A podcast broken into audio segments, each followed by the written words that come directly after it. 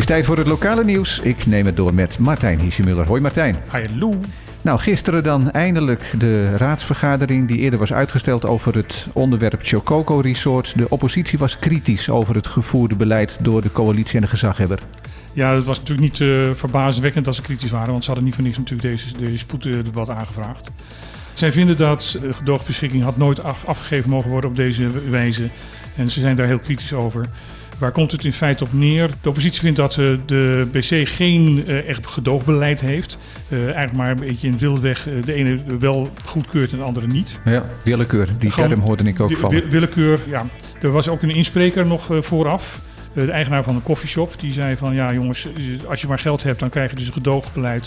Ik wil al jaren in mijn koffieshop uh, cannabisproducten, dat kan volgens de wet niet, maar met een gedoogbeleid wel. Ik zit er al drie jaar op te wachten, dus moet ik hieruit concluderen dat als je maar geld hebt, dat je dus wel gedoogd wordt.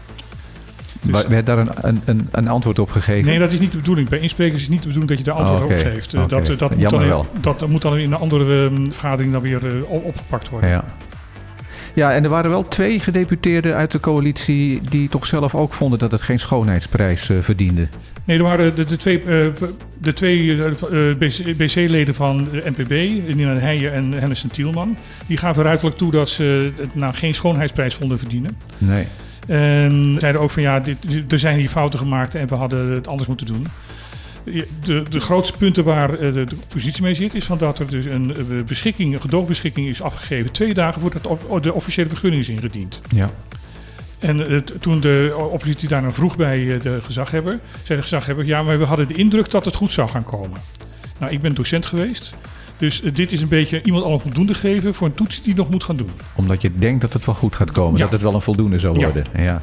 ja er, er, er, hingen diverse moties van wantrouwen in de lucht. Uiteindelijk uh, vijf stuks. zijn die niet uh, ter stemming gekomen. Hè? Nee, er zijn vijf moties zijn er ingediend. Die zijn aangehouden, zoals dat heet omdat de, de oppositie zegt van wij willen eerst zien bij de volgende eilandsraadvergadering of uh, er iets aan gebeurd is en of de fouten die gemaakt zijn hersteld zijn. Want zij willen in feite dat dat gedoogbeslissing wordt teruggedraaid en dat zand alsnog wordt weggehaald. En over hoeveel weken is die volgende vergadering? Volgende week. Oh, volgende week al. Nou, dan moet er dus heel snel actie komen. Dan moet heel snel om die komen. moties van wantrouwen ja. inderdaad tegen te houden. Maar ja, goed, uh, de kans dat die moties worden aangenomen is niet heel. Nee, want er is natuurlijk geen meerderheid voor. Nee. Er komt geld beschikbaar voor de verduurzaming van de energievoorziening op Bonaire. Een flink bedrag, tenminste 10 miljoen euro lijkt mij een flink bedrag. Is dat inderdaad een substantieel bedrag waar Bonaire wat mee kan? Nou, ik zou het heel graag op mijn eigen rekening willen hebben. Dat heb ik al eens vaker gezegd. Dat, is ook een opmerking. Ja, ook bij hogere bedragen. Ook bij hogere bedragen. Maar voor uh, verduurzaming van de energie is natuurlijk een, ja, een druppel op een gloeiende plaat, ben ik bang. Want daar moet gewoon fors geïnvesteerd in worden. We zijn namelijk van 40% duurzame energie teruggezakt naar 25%. Dat komt omdat er meer mensen op Bonaire wonen. En er meer industrie is. En er dus ook grotere vraag naar elektriciteit is.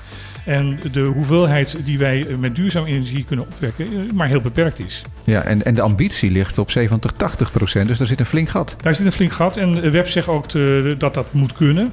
En er is nu in ieder geval een toezegging uh, gekomen van... oké, okay, er is geld beschikbaar gesteld.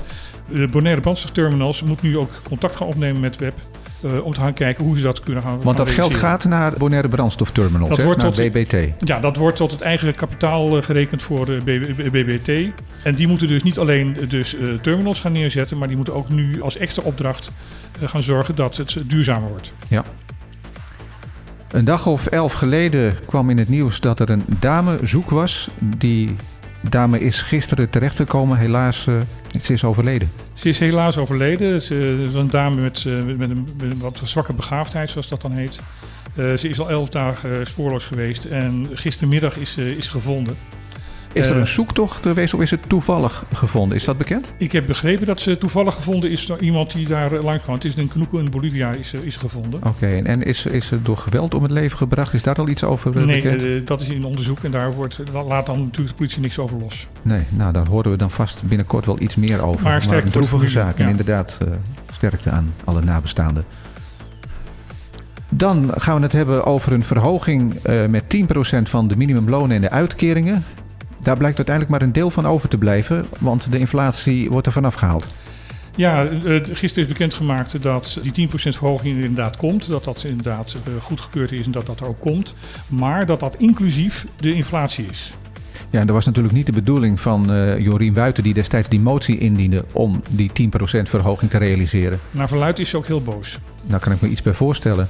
Ja, want hoeveel blijft er dan eigenlijk over effectief? Nou, effectief blijft er maar 5,3 over naar schatting. Want omdat er uh, de inflatie op Monero 4,7% ja, is geweest. Dus net iets meer dan de helft. Ja, als de inflatie niet uh, nog harder aan gaat trekken. Dat kan ook nog dat gebeuren. Dat kan ook nog gebeuren. En Unke Bon, die dus uh, boos was over dit hele feit, heeft dus gelijk gekregen. Ja, ik, ik kan ook niet begrijpen waarom dit nou weer zo gebeurt.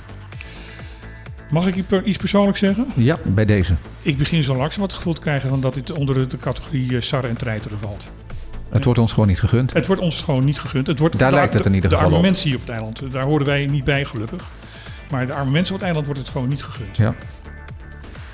Onlangs is een onderzoek begonnen naar long covid op Bonaire. Inmiddels zijn er geloof ik wat resultaten uit dat onderzoek bekend geworden. Ja, even uitleggen wat long covid ja. is. Long covid is de, de, klachten die mensen hebben nadat ze covid hebben gekregen. En vaak nog tot heel lang daarna.